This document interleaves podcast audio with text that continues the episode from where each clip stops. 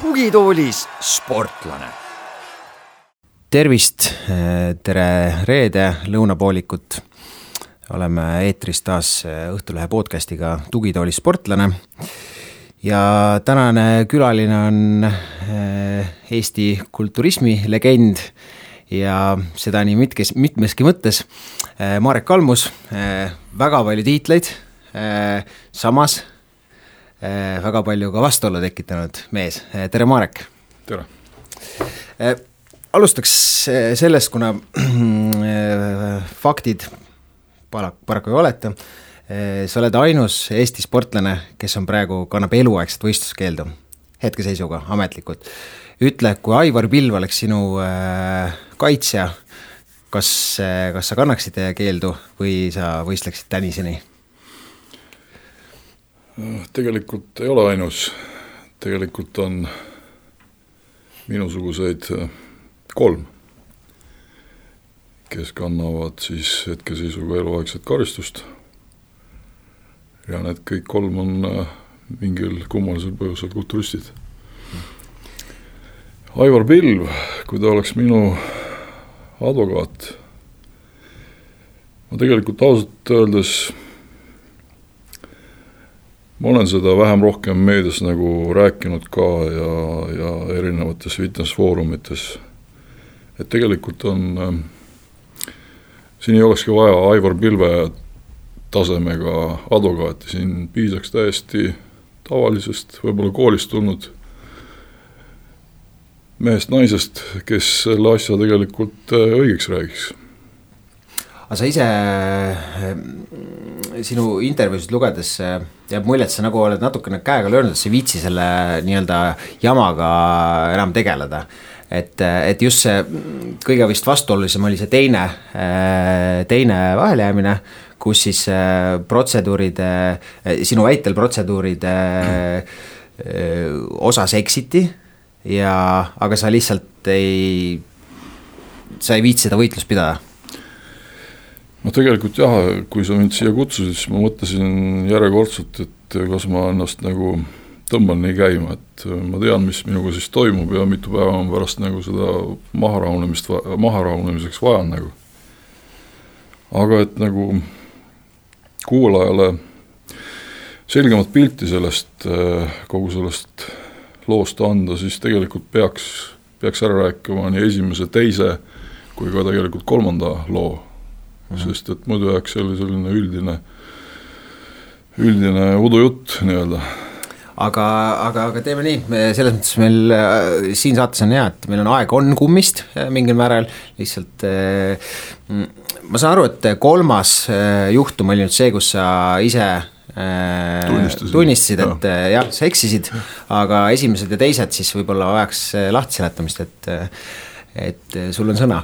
No alustame siis esimesest korrast, kui Eestis kulturismis tehti dopingukontroll. See oli Eesti meistrivõistlused kaks tuhat üks, võistlused toimusid Tartus. Eh, kui palju nüüd inimesed sellega kursis on ja palju, paljud, paljud neid dopingukontrolli läbiviimise reegleid nagu uurinud on, aga aga kõik need kontrollid käivad kindlate reeglite järgi, vähemalt peaksid käima esimesel korral muidugi sellist, sellist asja ei olnud. Ja tegelikult juriidiliselt, kui eksitakse kas või ühe läbiviimisreegli vastu kontrolli läbiviijate poolt, siis tegelikult on äh, need tulemused õigustühised, vaatamata sellele, mida need proovid nagu näitavad. no hakkame otsast pihta, kõige kõige tühisem võib-olla.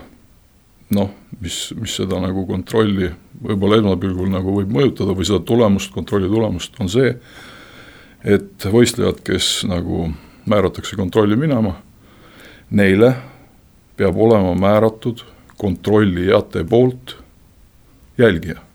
et sel hetkel, kui sa saad teada, et sa pead minema kontrolli, antakse sulle üks inimene kaasa, kes sa ei pea otsekohe sinna minema mingi aja jooksul, kes liigub sinuga ka kaasas. kes sisuliselt kontrollib ja, sinu tegevust. et sa ei üritaks seal mingisuguseid manipulatsioone teha.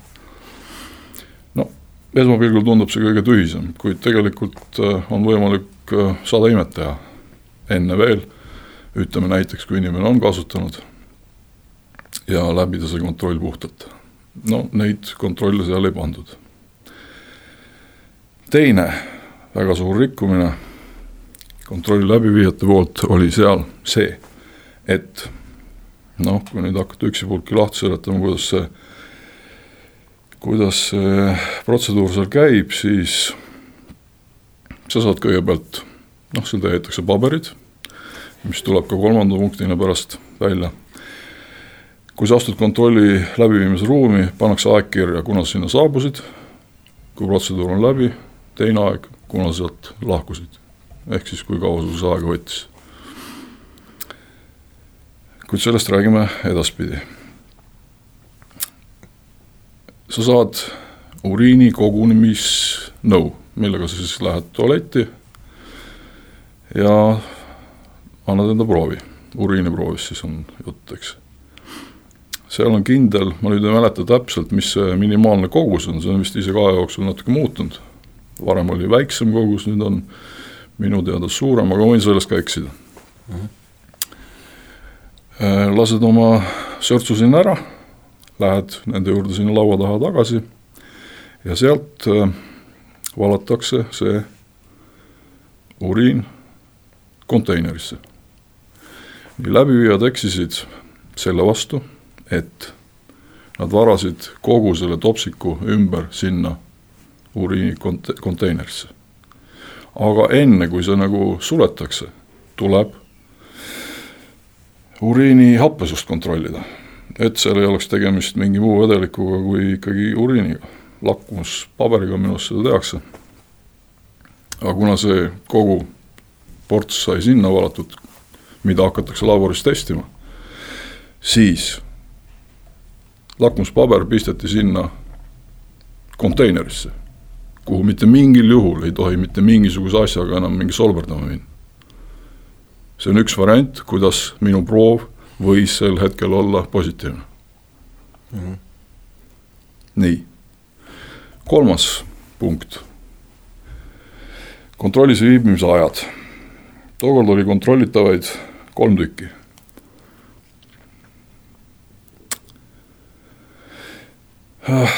ma mõtlen nüüd, et äh, jah, kuna edaspidi tuleb juttu nagunii nendest meestest, siis ma räägin kõiki nime, nimeliselt, eks ole. noh, teeme siis nii, praegu on vaba mikrofon nii-öelda. jah, et kontrolli pidin minema siis mina, absoluutse arvestuse teine võitja, Ott Kiivikas. ja minu teada, minu teada sealt tagantpoolt äh, ta isegi ei olnud kolmikus, keegi siis loosiga võetud, nii-öelda loosiga Viktor Katsenko. kui neid protokolle, ma ei tea, kas kuskil on mingisugune arhiiv, kus need on alles, aga ma rääkisin sedasama juttu kaks nädalat pärast seda, kui, kui need tulemused nagu saabusid Soome laborist, tookord neid testiti. ma ei tea, kas hetkel on kuskil need äh, dokumendid alles, põhimõtteliselt nad ju võiksid olla, aga no vaevalt. siis sportlane saabub kontrollimise ruumi, pannakse aeg kirja, niikaua kui tal aega läheb, lahkub, pannakse kirja. mina ja Katsenko läksime praktiliselt üheaegselt sinna ruumi. kuid pärast nende protokollide järgi võttes, mina viibisin seal kakskümmend, kakskümmend viis minutit, Katsenko natuke rohkem kuid protokollide järgi oleks pidanud nagu Ott Kiivikas olema meiega samas ruumis vähemalt viisteist minutit, ajad kattusid. aga me kumbki ei näinud teda seal. et kui te soovite, võite selle kolmanda mehe ka siia kutsuda ja tema käest seda küsida. muuseas, siin vahepõikeks eelmine aasta sai tehtud Tallinna TV-ga üks saatesalvestus, Kas tohib, oli seal selline saade. me salvestasime seda juba veebruari alguses, kus ma samamoodi detailselt rääkisin kõik need asjad ära. Tallinna TV teatavasti suleti esimesel septembril eh, eelmisel aastal, nii et seal oli aega praktiliselt eks kaheksa kuud. aga see saade mitte kuidagi pärast seda salvestust, noh, tõenäoliselt materjali läbivaatamist eetrisse ei jõudnud kuigi seal tulid hilis, hiljem salvestatud saated ja nii edasi. aga vot selline asi, see vahepõik, eks, et minu küsimus ja minu küsimus oli siis siis ka kaks nädalat hiljem oli sinu kui küsimus kohe? jah, need kontrolli tulemused saabusid, ehk siis kuu aega pärast võistlust, umbes nii see oli. Eesti Antidopingu Organisatsiooni tollasele esimehele Marnale. et äh, kuidas saab nii olla, et need paberid on nii täidetud. kuidas saab olla, et paberid ajaliselt on mingisugused numbrid sinna ette täidetud, kui ma ei näinud. ja tema vastus oli minule seekord selline, et ega neid pabereid ei peagi nii täpselt täitma. ja kogu lugu. ma kirjutasin sellest Foorumis, ma rääkisin sellest ajakirjanduses, aga see ei huvitanud mitte kedagi, mitte kedagi ometigi temaatika on ju nii oluline, sest Ja. tegemist on ju dopinguga, eks ole. kus peab olema kõik äh, hästi tõendatud ja hästi täpne. täpselt, nagu ma ennist ka ütlesin, et kui ka kas või ainult ühe reegli vastu on eksitud kontrolli läbiviijate poolt, on see kogu protseduur õigustühine.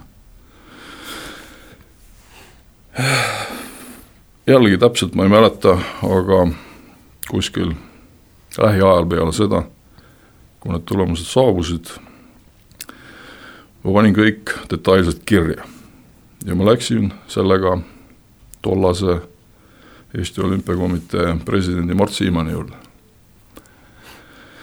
ta vaatas selle asja läbi, ütles, et okei okay,, et ta laseb selle enda juristil üle vaadata.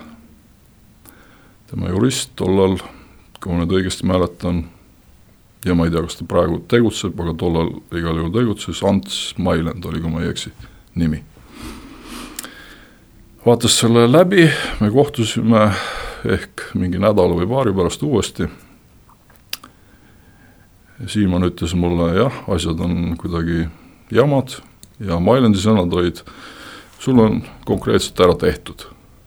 aga et seda nagu õigeks saada, maksab vot selline summa tollal, tollal, kui mul tihtipeale ei olnud nagu, ma ei teadnud, kas ja kui palju ma järgmisel päeval süüagi saan, eks. mul ei olnud seda raha mitte kuskilt võtta ja sel hetkel see nagu niimoodi jäigi. ja mõtlesin, et ah tühja ka, et äh, eks ma siis teen edasi, olen see aasta, saan selle aastase keelu, nagu tollal anti. ja näitan enda tulemustega edaspidi. ühesõnaga esimesel korra kokkuvõte. mingid reeglid ei kehti, reeglid ei ole vaja järgida, eks ole, jätke see meelde. Teine kord. ma küsin vahele võiks, ma Jaa. just pean küsima ajakirjanikuna.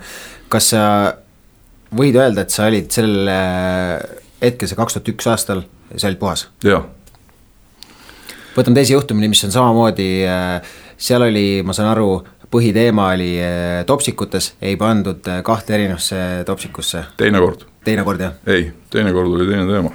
kõik kontrolli läbiviimine, läbiviimine oli, võiks öelda, perfektne, välja arvatud see, vot, kui ma nüüd praegu nagu mõtlen järgi, siis äkki isegi oli keegi, kes pandi jälgima sind. tõenäoliselt oli, sest ma üsna häälekalt esimene kord seda nagu nõudsin, et miks ei ole. ja tõepoolest vist tõesti oli. ütleme, et see kontrolli läbiviimine oli perfektne, nagu olema peab. nii. saabusid tulemused, kaumus positiivne. Mis aine?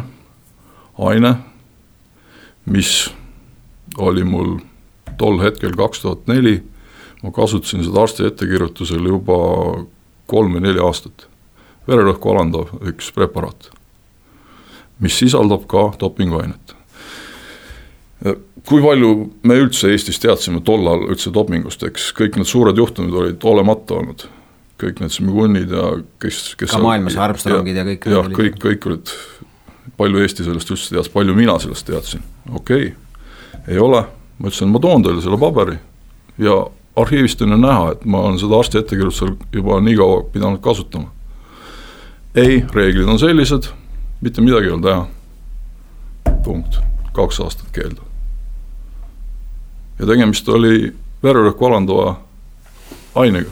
Mingi steroidiga. sel hetkel ei antud äh, üldse võimalust isegi tõestada, et sa ei. kasutasidki ravimit. ei mm, -hmm. ei, mitte mingisugust. määrati karistus ja kogu lugu et kui esimene kord ei olnud reeglid üldse olulised, siis teinekord pidi isegi ütleme noh, inimene, kes seda juttu nüüd kuulab, on ju, saab ju aru, et tegelikult noh, okei okay,, see oli keelatud aine, on ju, aga nagu oleks võinud olla mõistvam sportlase suhtes. vähemalt mina arvan nii mis see, see aine iseenesest, mida see siis äh, väidetavalt nii-öelda soodustas või parandas, ütleme see, mis seal vererõhu preparaadis sees oli? teda kasutatakse ka ütleme noh, ta on teoreetik, vedelikku väljutav aine, mida tõesti kasutatakse ka dopinguainetena just nimelt kulturismi ja fitnessi maailmas mm -hmm. tegelikult. mina ei teadnud sellest nagu siis midagi, eks mm. -hmm. Aga siis tuli see saatuslik kolmas kord. see oli kolmas kord jah, kaks tuhat kaheksa. see oli pull värk selles mõttes, et mul oli kindel plaan äh, asjaga ära lõpetada. ma võistlesin siis juba enam mitte kulturismis, vaid klassikalises kulturismis, kui see nagu kuulajale midagi ütleb. Ehk siis seal on nagu mitte ainult kehakaalu järgi ei ole mehed rivis, vaid on pikkuse ja kehakaalu mingi suhe. noh, need ütleme, sportlased näevad ehk siis võib-olla tavavaatajal natuke inim-, inimlikumad välja, et ei ole nii suured, eks. Aga võistlus toimus, tähendab mm, milleks ma hakkasin valmistuma Venemaal. Ja mul oli kindel plaan, ma lähen sinna, mul ei ole mitte midagi kaotada ja vaevalt mind keegi hakkab Venemaal testima. miks? ma olen Venemaal nii palju võistelnud, et no ma ei usu. ja üldse väljaspool Eestit kulturismis dopingukontrollid, see on selline jutumärkides dopingukontrollid. oli kindel plaan, ma teen seda nii ja ma lähen võistlen nii nagu muu maailm seda teeb tegelikult, eks ole. kuid Kalmus oli suve läbi kahtlaselt heas vormis, eks, seda märkasid muidugi teised ka, sest me tegime siin ju Tallinnas oma konkurentidega koos trenni. ja minu plaan oli selline, et võistluskalendri järgi oli mm enne Eestikaid tollal oli selline reegel, et äh, Eestikaid, äh, Eestikatel võistlemata MM-ile ei pääse. aga nii oli kalender. ja kuna suve lõpus nähti, et Kalmus on ikka kuradi heas vormis, siis tõsteti Estikad enne MM-i, et saaks teda jälle testida. ma ütlesin, okei okay,, mis seal ikka mm, -hmm. ma olen juba nii kaugele tulnud, ma lähen lõpuni, vahet ei ole ja see näitab väga hästi ära, kas mind tahetakse kõrvale tõsta või, või siis noh, jah, kui kasulik ma nendel olen. loomulikult ma läksin kontrolli, loomulikult ma jäin vahele, sest ma olin kasutanud. teadlikult seekord? jah, teadlikult mm. -hmm. Kulturism on, äh, kulturismis on palju neid juhtumeid äh, ja vähemalt sellest räägitakse üsna, üsna palju, kui kulturism on teem-, teemaks siis räägitakse ka dopingust, kui ta, et pudru peal ikka need mehed ei kasva ja nii edasi, et, et ähm, kas see ja need juhtumid tuleb aeg-ajalt ette, kas see on mõnes mõttes selle ala paratamatus?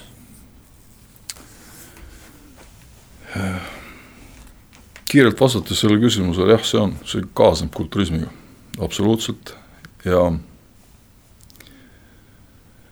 äh, tegelikult miks mul nagu vait olla, ma mõtlesin pikalt, kas ma räägin sel teemal või mitte.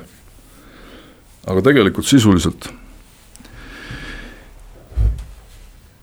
selle eluaegse keeluga on mul äh, kaksteist aastat elust tegelikult välja lõigatud. kui sa saad äh, Eesti-suguses riigis, väikses riigis eluaegse võistluskeelu, võite ette kujutada, mida see tähendab tegelikult. sportlasena, inimesena, kuidas sa pead hakkama ennast nagu tõestama, et sa üldse midagi nagu väärt oled, eks ole. siis lähme siit edasi sellega, et kaks aastat tagasi, kui me tegime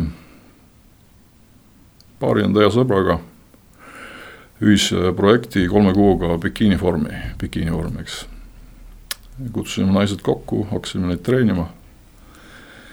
ja sealt keegi kuskilt, kes nägi, noh, see käis televisioonist ka mingil määral läbi, et kolmusel on ju võistluskeeld. kaks, see oli kaks tuhat kaheksateist, kaks tuhat viisteist, kui ma ei eksi, tuli välja selline seadus, et keeldu kandev sportlane ei tohi treenida, eks äh, kuidas see nüüd on, tippsportlasi või tegevsportlasi mm -hmm. just nimelt. siis selle vastu ei saanud keegi midagi teha, sest need olid kõik naised tänavalt, eks, aga meil olid ühistreeningud ja üks ühistreening oli Flora jalgpallikoondiseks, kus naised seal pidid noh, ühesõnaga ühistreening ja keegi siis kuskilt andis märku Eesti antidopingusse, et vot, Kalmus, sa ei tohi seal osaleda, ära pane meie tippsportlased sellisesse olukorda, kus me võime neile kõigile keelu panna. okei okay., ma ei saanud treenerina, ütleme sellistel, sellistel päevadel enam nagu osaleda. ja siis tuli see teema jutuks, et üldse nagu, sest ma ju juhendan ka väga palju fitness sportlasi, kes lähevad võistlema, on ju kui nad enne ei ole võistelnud, ei ole probleemi, seni kuni nad ei ole lavale astunud, on nad tegelikult tänavalt inimesed, on ju. Mhm. pärast esimest korda ma ei tohi. sa tohid olla personaaltreener. just mm, -hmm. pärast esimest võistlust ma enam neid treenida ei tohi, antud hetkereegli järgi. siis tuli meil juttu sellest Eesti Kulturismi Liidu president, presidendi Ergo Metsalaga. me saime kokku, rääkisime nendel teemadel pikalt-laialt ja üsna avameelselt. Ja Ergo ütles mulle, et ära muretse, me ajame selle asja korda. et sa vähemalt treenerina saaksid nagu ametlikult teha, aga noh, see tähendab seda ka, et see keeld tuleb nagu maha võtta, sest muidu selle, nende reeglite järgi ei ole see võimalik. okei okay,, hakati seda asja ajama, aga sellest räägime võib-olla natuke hiljem. ja sealt läks jutt edasi, et ma ju tean, kuidas sind tegelikult tol ajal nagu maha üritati tõmmata. ta oli ise siis sel ajal asepresident Eesti Liidus, Kulturismi Liidus. ja ütles mulle, et sa ära üldse muretse, meil on siin hoopis tõsisemad probleemid.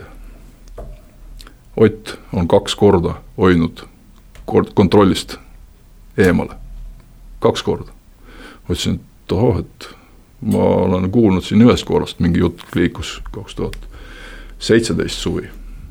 Järvuga me rääkisime kaks tuhat kaheksateist suvi ja tema ütles, et ei, ei, kaks korda. et sinu asja me saame korda. nii, täna on meil kaks tuhat kakskümmend. kas keegi on kuulnud midagi kuskil sellest? et ma küsin siinkohal, kuidas on võimalik aga presidendi jutt oli selline kuidas on võimalik, et selline asi suudetakse Eestis maha vaikida. Ma ei tea seda. aga mis sa arvad, kellele see, eks nendest noh, mõne jaoks on see vandenõuteooria, mõne jaoks on see nii-öelda reaalsus, reaalsus, et mis sa arvad, see, ütleme, et kui me räägime hetkel ilma faktideta hüpoteetiliselt, kellele see võiks kasulik olla? see, ütleme, see maha, maha vaikimine kellele? vaadake, kuhu Ott on tänaseks jõudnud, eks ole. Enne seda ta oli maailma reitingu edetabeli juht. sellest sai ta minu teada ka rahvusvaheliselt IFP-lt mingisuguse rahalise preemia isegi. see muidugi iseenesest ei tähenda, et ta IFBB liigas oli number üks, ta ei ole kunagi maailmameistriks tulnud, aga kuna ta niivõrd palju võistles, siis nende punktide summana ta aasta lõpuks selle koha sai üks on see sportlik pool, teine pool on see äriline pool, see, mille pärast mina tema kõrvale ei mahtunud tegelikult. Eesti on niivõrd väike, et seal peab olema üks mees tipus, kelle najal siis kõike seda äri, mida nad tol ajal presidendiga, president Tokoga nagu üles ehitasid. et kaotada on tegelikult ju kõik põhimõtteliselt, eks ole. raha, kuulsust. jah, kõik kas, mis sa, sa ütlesid, mõtlesid pikalt, kas sa üldse räägid nendel teemadel, et mis sa arvad, et mis nüüd järgmistel päevadel järgneb? ma ei tea. kas sulle helistatakse, kirjutatakse, mis iganes? ma ei saa ju, tähendab ka seda meie, minu ja Ergo vahelist juttu kuidagi tõestada, eks, see on mm. meievaheline jutt. aga noh, Ergo, tule lähme televisiooni, vaatame teineteisele otsa ja ütle mulle seal, et sa ei ole seda juttu mulle rääkinud, eks. see on kõik, mida ma saan siia juurde lisada tegelikult. Mm.. kas äh, kulturismis on erinevad leerid, ma saan aru, et see ongi, suuresti ongi inimesed, kes on võib-olla sinu ümber koondunud, mm, siis on nii-öelda Oti ümber äh, koondunud rahvas ja ometi on olnud ka vahepeal selliseid äh, nii-öelda lepitusaktsioone, teie noh, ütleme see vastasseis sinu ja Oti vahel on nagu pidev olnud tegelikult. mingil määral on ta alati olemas, et -hmm. Ott ja Marek äh, Kalmus on kuidagi nagu vastandid, et kus need leerid tekivad? eks nad sealt tekkisidki ja tegelikult sellest ajast peale tekkisid, kui, kui Eestis kulturismist tehti äri. alates aastast üheksakümmend kaheksa, kui loodi Eesti Kulturismi Arendusselts, kelle eestootsa sai tookord Arnold Tocco. ja kes tegid siis ühise firma Robocop, toidulisandite firma, no siia võiks rääkida veel neid minu püüdlusi ka, ütleme sama asjaga kõrvalt tegeleda, mismoodi, mismoodi seda maha tehti mismoodi sel hetkel, kui meil teed juba täiesti lukku olid pandud, hakati kohe müüma sedasama või neid samad toidulisandid, mis Soomest, mida me tõime ja mida ennem seda Toko ütles, et kirjuta mu foorumis, et fast and fast ja ma annan sulle viis tonni kohe. ma ütlesin, et ma ei tee seda. me pidime poe kinni panema, sest surve oli niivõrd tugev lihtsalt. ja nädal aega hiljem tõid nad ise paasti maale müüsid ja müüvad siiani väga edukalt. kõik on äri taga lihtsalt ja see ei ole mitte ainult Eestis nii, vaid see on vähem-rohkem ka maailmas, aga noh, kuna ma enne ütlesin, et kulturism ja doping on niivõrd tugevalt seotud, siis maailmas ei minda nii veriseks, et üksteist ära süüakse selle pärast. sa pead olema tõesti väga paha poiss seal kellegi jaoks, kui sind nagu võetakse vahele, kui sind ära likvideeritakse nii-öelda noh, mõnes mõttes on see ka dopingu temaatika, võib-olla see, need, need nii-öelda sõjad ei ole nii suured äh, omavahelised, aga dopingu temaatika on ju noh. Lance Armstrong äh,, kergejõustikest rääkimata, suusatajad, äh, terve see Venemaa dopinguskandaal. et see mõnes mõttes tundub, et täielik tippsport ilma keelatud aineteta või vähemalt nende aineteta, mis sinna nimekirja on kantud, ongi võimatu sest et järjest ju purunevad, järjest tulevad uudised kümne aasta tagused, seitsme, viie, kolme, mis iganes. ja võtame ükskõik mis ala, võtame kõige nähtavamad sellised alad, tõstesport, eks kasvõi. kümme aastat tagasi, kui umbes, kui hakati jälle tõsisemalt nagu testima neid, siis tulemused langesid. aga nüüd on mehed nii andekad, et teevad ikka maailmarekordeid, noh, kus mõtleme ise loogiliselt. aga jäävad ka järjest vahele ja,? jah, jah, jäävad, jäävad. Aga teatud tegelased ka ei jää, nii et ma ei saa öelda muidugi kunagi, et äh, kõik kasutavad, võib-olla tõesti, meil on nii andekaid äh, tegelasi, kes suudavad ilma nagu läbi lüüa. kuid tagasi tulles Eestisse, tagasi tulles minu rivaali juurde, sõbra, hea sõbra Oti juurde, siis noh, jah. sellel alal kurat, sa pead olema pühak. kui sa alustad enda äri ülesehitamist keelatud ainete müügiga, aktiivse müügiga kusjuures, ja sa ise tollal mitte kunagi ei ole proovinud, kasutanud, ometi on sinu selles ajaloos, võtame siis aasta üheksakümmend üheksa, kaks tuhat, oluline arenguhüpe tehtud ja see arenguhüpe tehti siis, kui Ott oli Eestist ära, kui ta käis nii-öelda koolitust saamast Soomes elava Olev Annuse käest. kas ta seal siis sai neid õpetust professionaalse kulturisti käest, ma ei tea. aga ma ütlen, ma ei usu seda, et inimene, kes tegeles aktiivselt keelatud ainete müügiga, jälle, seda räägin ainult mina, eks aga tegelikult Eestis, kallid kuulajad, kui paljud te tegelikult teate, kui paljud te olete ise tema käest tollal ostnud? tulge ja toetage mu juttu. Teil ei ole mitte midagi kaotada. pigem saab sport puhtamaks tegelikult kokkuvõttes, kui üks selline tegelane ehk siis saab enda teenitud palga. mis sa arvad, miks inimesed eh, kardavad nendel teemadel rääkida, mida, mis see nagu on see asi, mis siis võib kaasneda, ütleme, et eh, mina olen asjast teadlik, ma siis tulen ka jutuga välja, toetan sinu äh, versiooni ja sinu äh,, sinu tõde. mis, mis must siis nagu võib saada või mis mõttes ma ohustatud olen? kardetakse mingisugust nähtamatut võimu, mille, mille, mille jõul on sellised asjad nagu võimalik olnud nagu, või mille toel nagu läbi viia. Kui Lance Armstrong suutis, suutis maailmas ligi kümme aastat kinni maksta kõik, eks ole, siis Eesti-suguses riigis, mis iganes ametnikule siin visata kuradi mingisugused tonnid, kõik on võimalik teha. kuni mingi hetkeni kuni mingi hetkeni. et eh, kõik, eh, no üldiselt noh, kõik ei saa öelda, aga, aga ikkagi väga paljud eh, noh, Armstrong ongi väga hea näide, sest ta ju, ta ju vandus, ta ju oli siiras, ta ju vaatas kaameratesse, et ma olen puhas ja see kõik oli ja ta oli, ta oli selle edu najal purjetas, ta oli, ta oli edusõltlane. ta oli kuulsuse sõltlane ja lõpuks ikka tuli välja. aga võtame Ott Kiivik, kas ta ei ole kõike mitte sedasama? ta ei ole küll nii kõrgel tasemel, aga tegelikult, eks inimesed, kes te kuulate mu juttu, paljud teist võivad öelda, et see ei ole nii, on ju? anna andeks, Ott, aga ma pidin seda rääkima lihtsalt. Äh, no Ott teeb võib-olla sulle kõne või, või kas Ott teeb sulle nüüd äh, pärast seda saadet äh, telefonikõne näiteks? ma ei usu, et ta mulle helistab, aga kui ta helistab, tere tulemast, räägime juttu muidugi. aga räägime, kulturism ei ole ju ainult paha kulturism on äh, tegelikult hea ja see aitab inimesel, kulturismis on üks väga suur äh, eelis.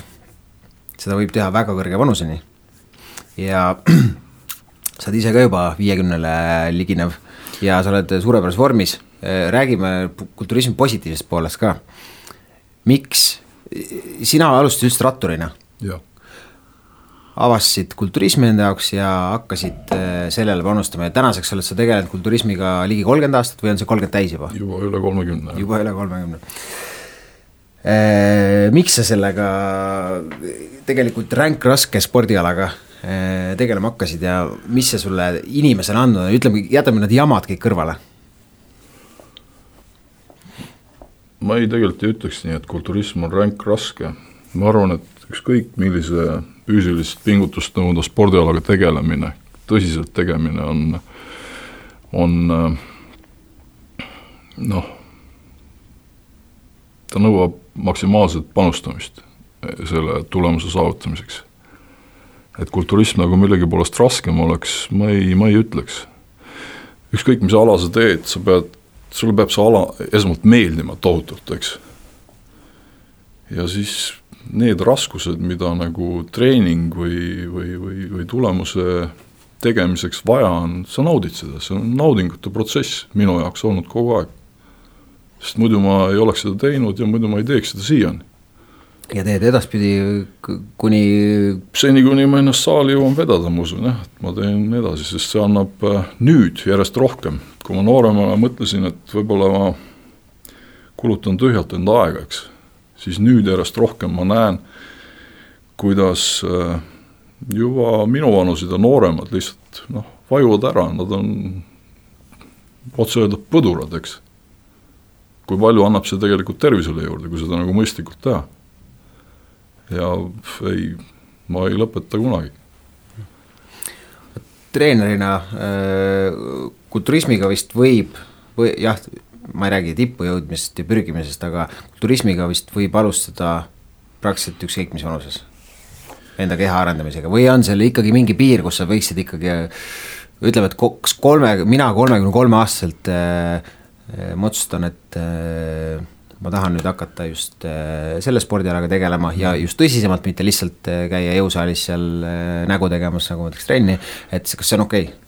see on okei okay, kindlasti, kui sa hakkad seda tegema, sa õige pea lihtsalt märkad, et see aeg, õige aeg on mööda lastud, aga kasuks ta tuleb sul igal juhul.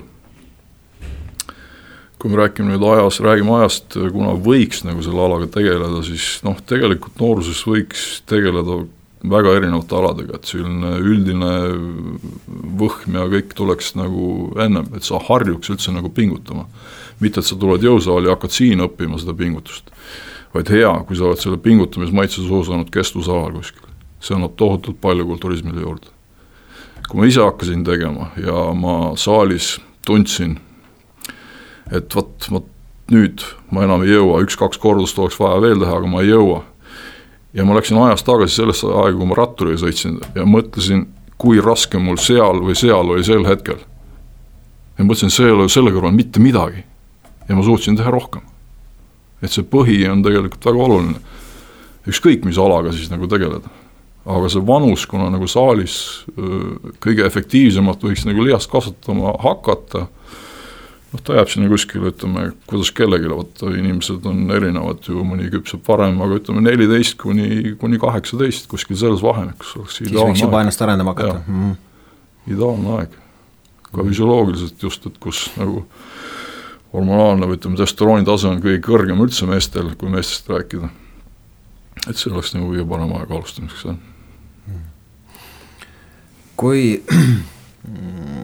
palju trenni peab tegema, et, äh, et nüüd ütleme, et tahta natukene rohkem kui olla harrastaja.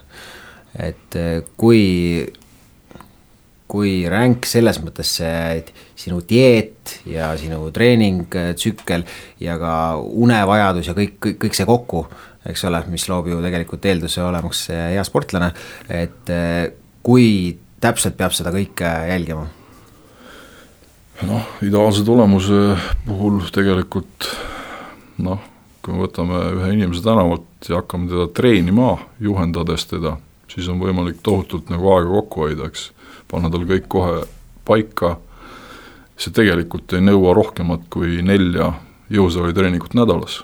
ehk siis ajaliselt pead sa olema kangi all ehk neli kuni maksimaalselt viis, viis tundi, sellest täiesti piisab aga toitumine on see teine pool, mis peab olema sul kakskümmend neli seitse paigas. ja just nimelt kakskümmend neli seitse, sest õige pea hakkab keha küsima toitu ka öösel. kuigi siin on väiksed, ütleme, erinevused inimeste vahel, et äh, väga paljud suudavad ka ilma hakkama saada, et öösel ei pea nagu ka ütleme ennast laadima. kuid teatud taseme juures tegelikult vähem-rohkem ikkagi sportlane juba vajab öösel ka toitu selleks, et hoida aminohapete hulka kasvu, ütleme magades üleval, et ei tekiks seda sellist ärakukkumist, tühja auku, et sa hommikul suudaksid, sest ainult hommikusöögi pealt, kui sa õhtu sööd näiteks kell üheksa ja kell kaheksa tahad hommikul trenni minna, siis see vahe on juba liiga, liiga pikk, sa sööd hommikust, aga su verenäitajad ei ole sellised, et sa suudaksid kell kaheksa maksimaalselt pingutada, vot selle jaoks olekski vaja tegelikult öösel teha kaks väikest teinet see on ideaalis, ideaalis, jah aga see eeldab äh, väga korras tervist, ehk siis une, unerütmi, et sa Just. suudad ära, ärgata ülesse iga siis ütleme, et äh.... korras närvisüsteemi et sa lähed, sööd enda heina ära, sa viskad pikali ja sa magad kohe jälle. et sa ei pea seal noh, jälle mitu tundi kuskil, seda aega ei saa raisata, eks öö on, öö ei ole kummist mm. -hmm. siin on praegu päris populaarne Lewis Hamiltoni rahastatud äh, dokumentaalfilm Game Changers, äh, mis siis räägib äh, sellest, kuidas sportlased järjest enam pöörduvad vegan, veganiks, veganimaailma. ja mis sa, kui kursis selle teemaga oled ja mis sa sellest veganlusest arvad, mis tuleb tegelikult noh, mitte väga jõuliselt, aga ikkagi vaikselt tuleb ka meie ühiskonda järjest rohkem sisse vot ma saan äh, tugineda enda vastuses äh, tänapäeva või siis juba noh, jah, tänapäeva veel kehtivatele füsioloogia uuringutele, eks. ja, ja, ja sellele, et, et noh, ebareaalne. kui meil on teadlased uurinud või selgeks teinud, et taimset valku on võimeline inimese organism omastama maksimaalselt kakskümmend protsenti söödust. ehk siis, et saada kätte iga toidu korraga see vajaminev sada protsenti, mis iganes alal on see siis erinev kogus, selleks me peaksime sööma seda kui palju, viis korda rohkem, eks. inimese organism ei suuda sellist ollust taimset massi läbi seedida lihtsalt. ja et hoida veres verenäitajad stabiilsena, noh, kas siis ööpäevaringselt ideaalis või, või, või vähemalt ütleme siis aktiivsel ajal päeval, lihtsalt ei ole aega seedida seda kogust ära. keegi tuntud, mul ei tule nimi meelde, tervisenõustaja, toitumisnõustaja, kes iganes ta oli, on väga hästi öelnud, et inimene ei ole lehm. ta ei saa magu täis süüa, siis maha istuda ja mäletseda ja seedida seda, inimese organism ei ole nii loodud. okei okay,, on tehtud toidulisandid, et see taimne ollus, taimne valk, number üks, just tegu on tegelikult proteiini omastamisega või probleemse omastamisega, on tehtud siis hästi kontsentreerituks ja omakorda hästi omastatuks, omastatavaks, ehk siis hüdrolüüsitud ja veel mitmekordselt hüdrolüüsitud, hästi. aga inimese organism on loodud seedima toitu, mitte lihtsalt omastama, eks ole. lõppkokkuvõttes me võime ju maa üldse vahelt välja lõigata ja lasta aminoppeid ja glükoosi veeni kogu aeg, on ju. Aga inimene on nii ehitatud, see ei ole jätkusuutlik mm. -hmm eriti hull on see, kui me hakkame enda kasvavaid lapsi, ütleme, toitma lihtsalt taimete baasil täiskasvanud inimesel on äh, teatavad reservid juba, ütleme, ta on välja arenenud, ta mõnda aega peab vastu. aga laps, ta ei arenegi normaalselt välja füüsiliselt ja tõenäoliselt ka mitte vaimselt. Eelmine aasta ilmus äh, meil meedias mingisugune artikkel, kus Eesti üks, jälle ma nime kahjuks ei mäleta, tuntumaid äh, taimetoitlasi tunnistas, et ma ei oleks iial uskunud, et ma pean seda nagu tunnistama aga taimetoitlus ei ole tervislik. ta oli seda kuskil kümme aastat teinud. ja ta oli ka suhteliselt noor inimene, kolmkümmend kuskil selles kandis. aga mis puutub maailma ja taimetoitluse, taimetoitluse nii nagu aktiivset pealetungi, siis tõenäoliselt on siin jällegi tegemist ikka sellesama rahaga, eks meil on väga, väga tuntud näod on hakanud propageerima seda, aga nad kõik ei ole enam tippsportlased. ja kui võttagi mõni tippsportlane, kes väidab, et ta on taimetoitlane ja teeb selliseid tulemusi isegi raskejõustikus, siis nojah, võtke, kui te tahate seda asja nagu selgeks teha, kas see on õige või mitte, siis võtkegi see, see tegelane pihtide vahele viige ta dopingukontrolli, tehke talle pidevalt neid kontrolle, las ta tõestab, et see nii on. jaa, kui me kasutame samal ajal steroidpreparaate ja taimetoitlust, see omastatavus tõuseb tohutult, siis on võimalik taimetoiduga hakkama saada. aga ilma nendeta väga suure tõenäosusega mitte, või siis sa pead olema mingisugune mutant lihtsalt mm. -hmm. see on minu, minu arvamus selle põhjal, kuidas on füsioloogiaõpikud kokku kirjutatud. äkki kasutatakse ka sõna rohepesu selle tihtipeale, et, et jah, et, et see öko ja, ja veganlus ja kõik see tuleb, tuleb peale jah, aga see on samamoodi äri. ja seoses selle tuntud inimeste ja selle propageerimisega.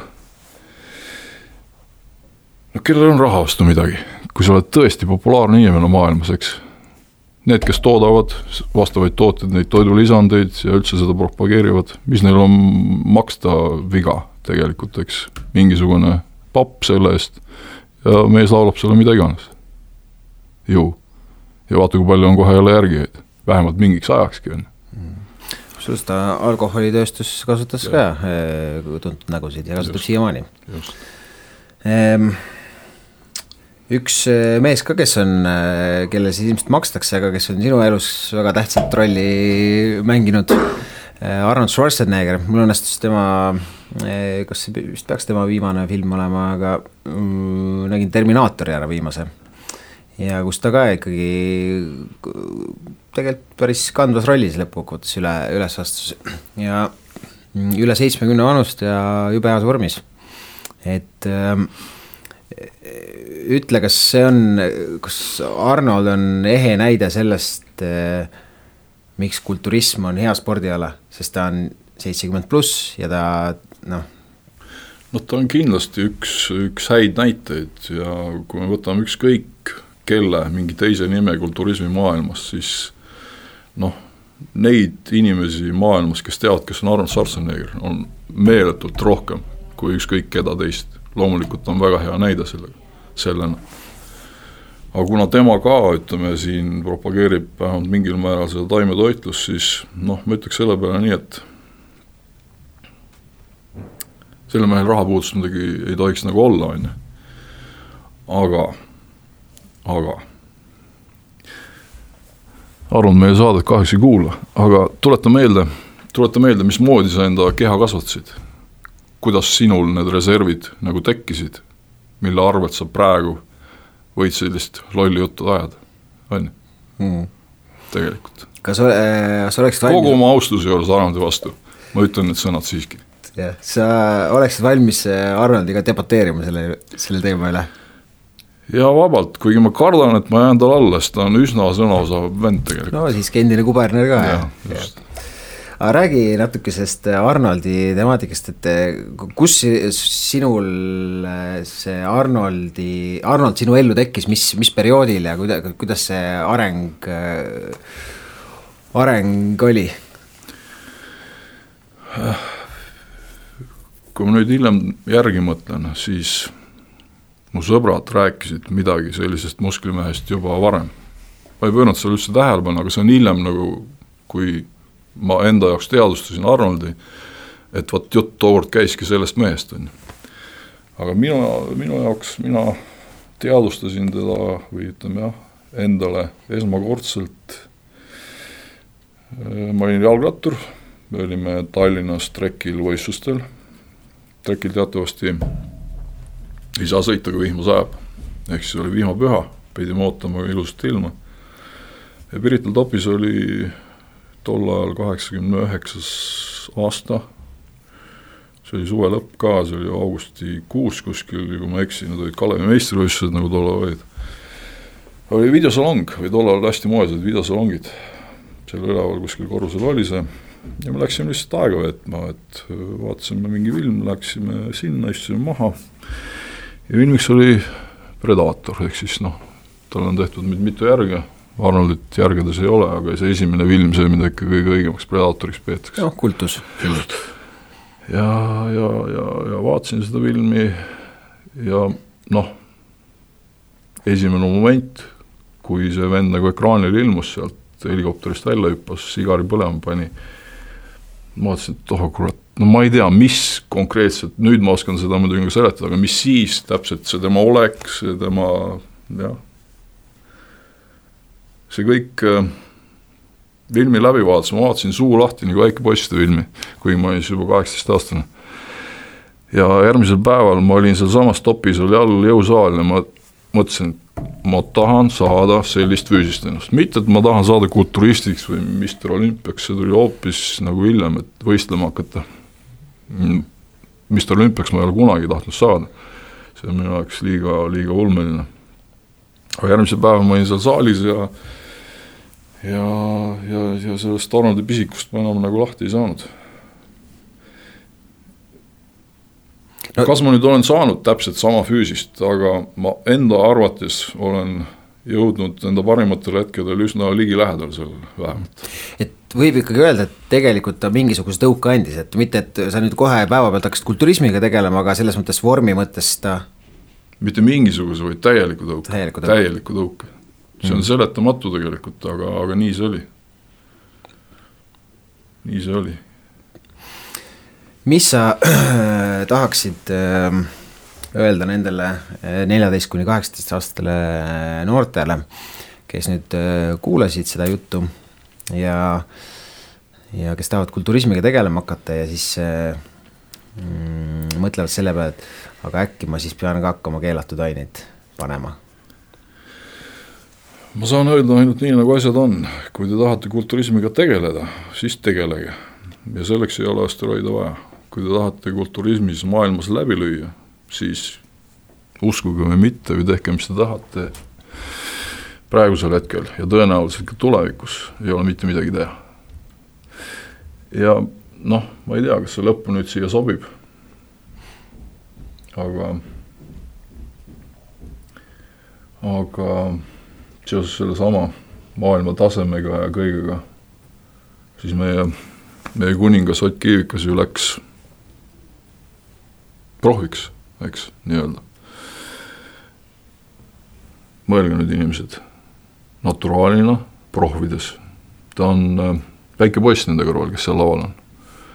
kui ta tahab nagu seal hakata tõesti võistlema, ta ei ole siiani jõudnud, kaks aastat juba on peaaegu on möödas sellest, kui ta prohviks nagu nii-öelda läks, siis kas meie puhta spordi eest võitleja, võitleja, suur ja eesseisja hakkab siis kasutama keelatud aineid või minu küsimus jälle, mida ta teeb seal laval?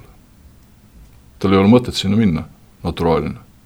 olgugi, et ta on võitnud jah, ütleme suure tõenäosusega palju neid, kes on kasutanud, aga siin on sellised geneetilised, ütleme äh,, kuidas ma ütlen siis geneetilised eeldused.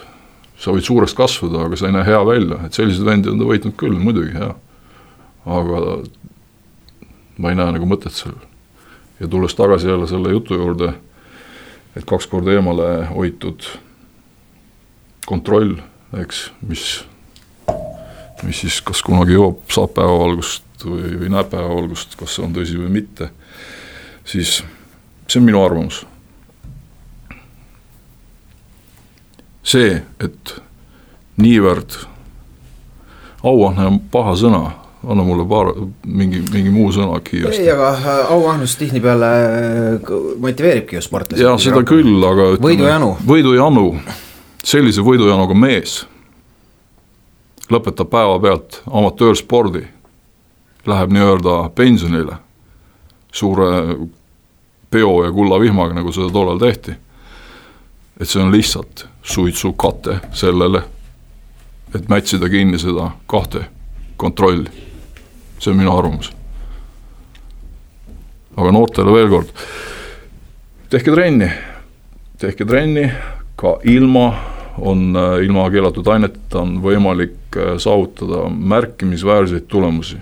Ja ega ei pea ju tõesti maailmas võistlema, tehkegi seda enda tervise, tervise nimel ja kuna Eestis kahjuks, et see saade on nii lühike, tegelikult me võiksime Eesti sellest nagu testimisest ja sellest veel ka pikalt rääkida. kuid Eestis on see testimine suhteliselt ikkagi suhteliselt korrektne, siis tehke seda enda tervise, tervise nimel lihtsalt. selleks, et olla viiekümne aastaselt heas vormis, selleks, et Arnoldi vanuselt olla head vormis ja võib-olla ka kauem, eks. et äh, teil oleks neid tervena elatud aastaid, naudingut äh, saatvaid aastaid nagu rohkem jah, ja äh, noortele oli sõnumiks, et pidage tegelikult reeglitest kinni, et see on äh, ja. väga oluline elus, et ja. Äh, sest suur tõenäosus on ikkagi see, et kui oled patune, siis tulevad patud lõpuks ka välja. parem välja. jah, aga aitäh saatejuhist tulemast, võib-olla tuled mi-, mingil hetkel uuesti, räägime siis veel dopingu teemadel edasi. aga aitäh sulle, loodame, et sa ei saa väga palju kurjasid kirju, telefonikõnesid ja mida iganes veel ja mm, on sul veel lõpetuseks midagi öelda? ja ei, ma hea meelega vastan kirjadele ja võite mulle helistada ka, kellel mu number on, aga saatesse tagasitulek, jaa, ma teen sulle kohe ettepaneku.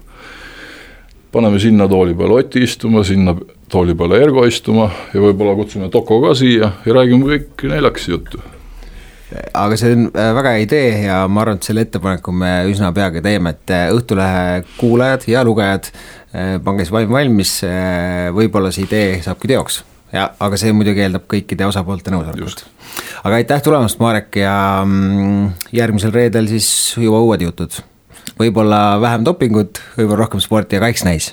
aitäh teile. jah, aitäh oh..